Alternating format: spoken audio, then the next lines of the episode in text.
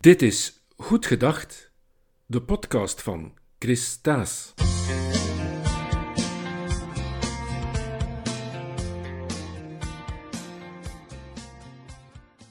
Vandaag het spook van de 25L.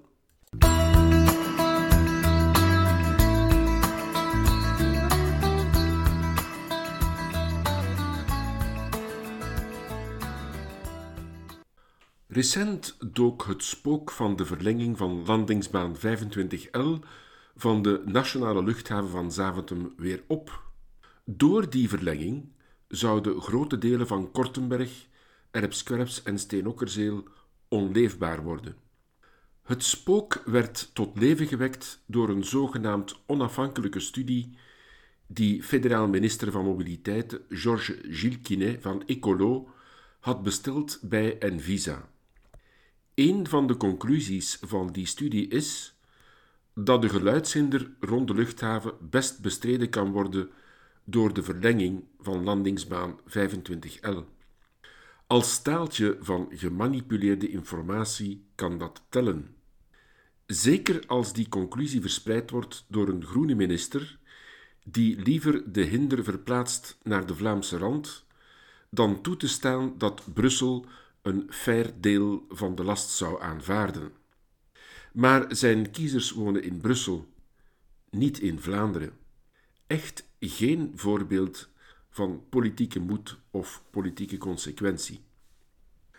Op 9 november organiseerde de gemeente Kortenberg daarom een infoavond om de geïnteresseerde inwoners wegwijs te maken in de recente evoluties rond het luchthavendossier en om beleidsmakers op alle niveaus te sensibiliseren voor de terechte bekommernissen van de omwonenden. Ik werd als spreker uitgenodigd op dat infomoment, omdat ik het dossier al enkele decennia op de voet volg en omdat ik er in 2019 een boek over schreef met als titel Wellness aan de startbaan. Onze gemeente heeft al meer dan een halve eeuw een intense maar complexe relatie met de nationale luchthaven van Zaventem. Vele inwoners van onze gemeente werken op de luchthaven of voor toeleveringsbedrijven en verdienen er op die manier hun boterham. Maar vele inwoners krijgen ook te maken met de negatieve gevolgen van de luchthavenomgeving, met lawaaihinder, luchtvervuiling, fijn stof en mobiliteitsproblemen.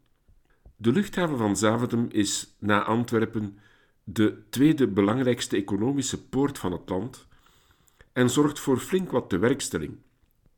Ook voor lager gescholden in de logistieke sector. En zorgt ook voor toegevoegde economische waarde. Tegelijk hebben omwonenden niet altijd de indruk dat grote inspanningen worden geleverd om de hinder te beperken of te verminderen, waarmee ze dagelijks te maken hebben. Mensen die niet in de luchthavenomgeving wonen, werpen vaak tegen dat wie hier komt wonen weet dat er lawaaihinder is en dat ze dus niet te veel moeten zeuren. En het klopt dat de meeste mensen die het dichtst bij de luchthaven wonen niet de grootste klagers zijn. Maar dat betekent niet dat we zomaar alles over ons heen moeten laten komen en dat we geen maatregelen mogen eisen die de hinder beperken en die de omgeving gezonder en leefbaarder maken. De luchthaven moet zich niet alleen verantwoordelijk voelen voor de economische resultaten van de uitbating, maar ook voor de ecologische en omgevingseffecten ervan. Oorspronkelijk lag de luchthaven een stuk verder weg van onze gemeente. Bij de start van de Eerste Wereldoorlog bouwde de Duitse bezetter een Zeppelin-loods op het grondgebied van Haren en Everen. Na de wapenstilstand nam de Belgische luchtmacht het terrein over om er vliegtuigen te stallen. Er was toen geen sprake van betonnen start- en landingsbanen, maar van een grasveld waarop vliegtuigen opstegen en landden. Bij de start van de Tweede Wereldoorlog openden de Duitsers, opnieuw zij, de militaire luchtmachtbasis van Melsbroek. In 1943 beschikte ze al over drie betonnen startbanen. In 1956 werd gestart met de uitbreiding van de luchthaven naar Zaventem toe en in 1958 werd het nieuwe luchthavencomplex overgedragen aan de regie der luchtwegen. In 1970 landde de eerste Jumbo op Zaventem en in 1979 werd Brucargo in gebruik genomen. In 1994 werd een eerste pier ingehuldigd en in 2002 werd het lintje doorgeknipt voor de huidige pier A. Tegen midden de jaren 80 van de vorige eeuw was het aantal passagiers gegroeid tot 8 miljoen per jaar. Begin 2000, tijdens de hoogdagen van Sabena, bedroeg het aantal passagiers jaarlijks 21 miljoen en werd 690.000 ton cargo verscheept. Vanaf de jaren 90 van de vorige eeuw werden met de regelmaat van een klok ballonnetjes opgelaten over een mogelijke uitbreiding van de luchthaven en met name over een verlenging van de start- en landingsbaan die aan onze gemeente grenst, de 25L. Die plannen werden nooit spontaan met de betrokken lokale besturen besproken. Ze werden ontworpen aan tekentafels in Brusselse studiebureaus, die weinig of geen rekening hielden met de gevolgen voor de omwonenden.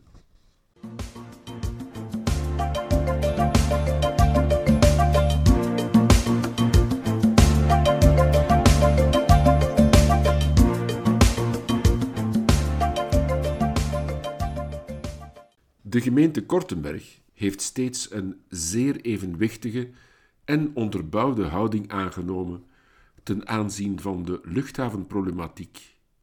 In tegenstelling tot de Brusselse gemeenten en actiegroepen, die ofwel alle hinder op de Vlaamse randgemeente willen afwentelen, denk aan de actiegroep Pas Question, ofwel de luchthaven gewoon willen sluiten en verplaatsen naar ergens anders, heeft Kortenberg steeds gepleit voor een evenwicht tussen economie en ecologie, tussen tewerkstelling en leefbaarheid, tussen plaatsgebonden noodzakelijk ongemak en noodzakelijke inspanningen om de hinder zoveel mogelijk te beperken. Tot het einde van de jaren 90 werd het preferentiële baangebruik, dat is de regel bij opstijgen en landen, werd die bepaald door de optimale en meest veilige criteria onder welbepaalde weersomstandigheden. In 1999 begon toenmalig federaal minister van Mobiliteit Isabelle Durand te prutsen aan de vliegroutes van en naar de luchthaven van Zaventem. Dat was wellicht niet helemaal zonder electorale berekening voor haar kiespubliek in Brussel. Maar Daarmee was de geest uit de fles. Want sindsdien zijn er via allerhande spreidingsplannen en aanpassingen van corridors steeds nieuwe gebieden rond de luchthaven geconfronteerd met tot dan toe ongekende lawaai-overlast. Het dient gezegd dat in het begin van dit millennium op het provinciale en Vlaamse bestuursniveau belangrijke stappen werden gezet om de geluidshinder te beperken. Zo werden de nachtvluchten in twee opeenvolgende stappen flink beperkt. In 2004 werd het aantal nachtvluchten per jaar beperkt tot 25.000, waarvan iets meer dan 10.000 vertrekkende. In 2008 werd dat verstrengd tot 16.000 per jaar, waarvan 5.000 vertrekkende. Niettemin hebben alle opeenvolgende ministers van mobiliteit er hun vingers aan verbrand en kregen ze het niet opgelost. Etienne Schoepe slaagde er in 2008 in een consensus te bereiken rond een aantal maatregelen om de geluidshinder te beperken en op een meer objectieve manier te verdelen. Maar zijn voorstel sneuvelde tussen de ministerraad en het parlement omwille van de val van de regering Leterme. Staatssecretaris Watelet kon in 2014 in eerste lezing een soort van embryonale vliegwet door de ministerraad laten goedkeuren over luchtvaartprocedures, vluchtoperaties en exploitatievoorwaarden, die trouwens voortbouwde op het ontwerp van zijn voorganger. Maar er werd evenmin gevolg aangegeven. En sindsdien zijn over die federale regelgeving vele, vele beloftes gedaan en vele, vele verklaringen afgelegd, maar er is in de praktijk niets meer van in huis gekomen. Het creëren van altijd maar nieuwe groepen gehinderden door aanpassingen van vliegroutes zonder een stabiel wetgevend kader zorgt voor kwaadheid en ongenoegen bij de omwonenden over geluidsoverlast. Wie omwille van de aanpassing van een vliegroute minder belast wordt, vindt dat niet meer dan normaal en is van oordeel dat het al veel te lang geduurd heeft voor de situatie werd aangepakt. En wie plots wel vliegtuigen boven zijn of haar hoofd krijgt, vindt dat natuurlijk volstrekt onaanvaardbaar. Lange tijd kwam het de luchthavenuitbater en de federale regering niet slecht uit dat het protest van gemeentebesturen en omwonenden zich continu verplaatste. Dat leidde tot een voorspelbaar mechanisme waarbij bewonersgroepen tegen elkaar begonnen te ageren. De eisen en verzuchtingen van deze bewonersgroepen hadden allemaal een objectieve grond, net omwille van de continue verplaatsing van de hinder. Maar ze gaven de overheid een gedroomd alibi om de ene regio tegen de andere te laten vechten en vooral zelf niets te moeten doen. In 2017 werd op het gemeentehuis van Kortenberg het platform Luchthavenregio Vlaams-Brabant opgericht. Dat is een overlegforum tussen alle Vlaams-Brabantse gemeenten die met de luchthaven te maken hebben en het provinciebestuur van Vlaams-Brabant. Voor het eerst werd gepoogd gezamenlijke standpunten in te nemen namens de omwonenden in verband met de luchthavenproblematiek. Tot dan toe hadden gemeentebesturen en actiegroepen op juridisch vlak vooral gewerkt met milieustakingsvorderingen. Dat moeilijke woord betekent dat ze eisten dat bepaalde vliegroutes zouden worden aangepast omdat men in die gemeente of regio's onevenredig veel hinder ondervond. Het resultaat was dat vliegroutes op bevel van de rechter inderdaad werden gewijzigd, maar dat andere gemeenten en regio's die hinder dan boven hun hoofd kregen. De voornaamste bekommernis was NIMBY, Not in My Backyard. Op 14 februari 2018 werd onder impuls van het platform Luchthavenregio door elf gemeenten en de provincie een aansprakelijkheidsvordering ingediend bij de rechtbank van eerste aanleg van Brussel. Met die aansprakelijkheidsvordering werd de federale overheid, en in het bijzonder de toenmalige federale minister van Mobiliteit François Bellot, aansprakelijk gesteld voor het uitblijven van een evenwichtige en faire regeling voor de vermindering en de verdeling van de geluidshinder. Na twee tussenvonnissen wordt een definitieve uitspraak rond deze vordering verwacht in 2024.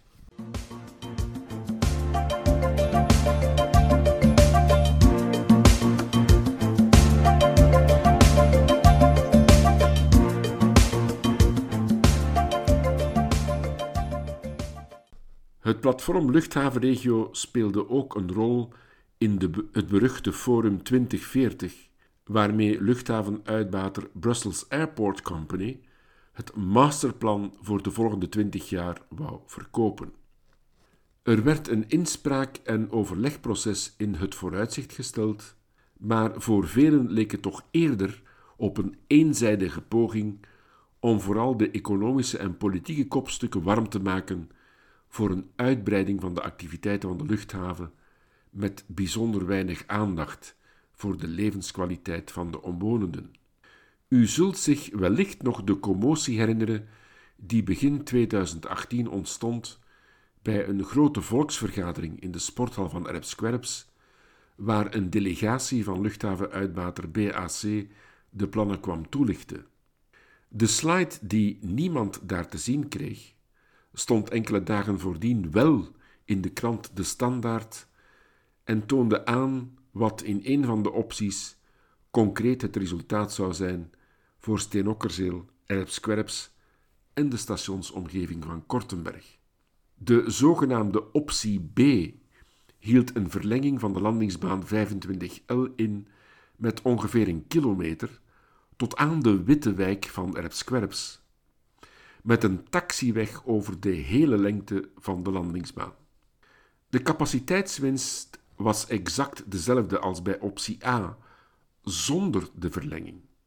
Wat BAC bij de toelichting niet in de verf zette, was dat de opstijgbewegingen door die aanpassingen van landingsbaan 25L in de toekomst vlot in beide richtingen zouden kunnen gebeuren, terwijl ze nu in hoofdzaak in oostelijke richting gaan.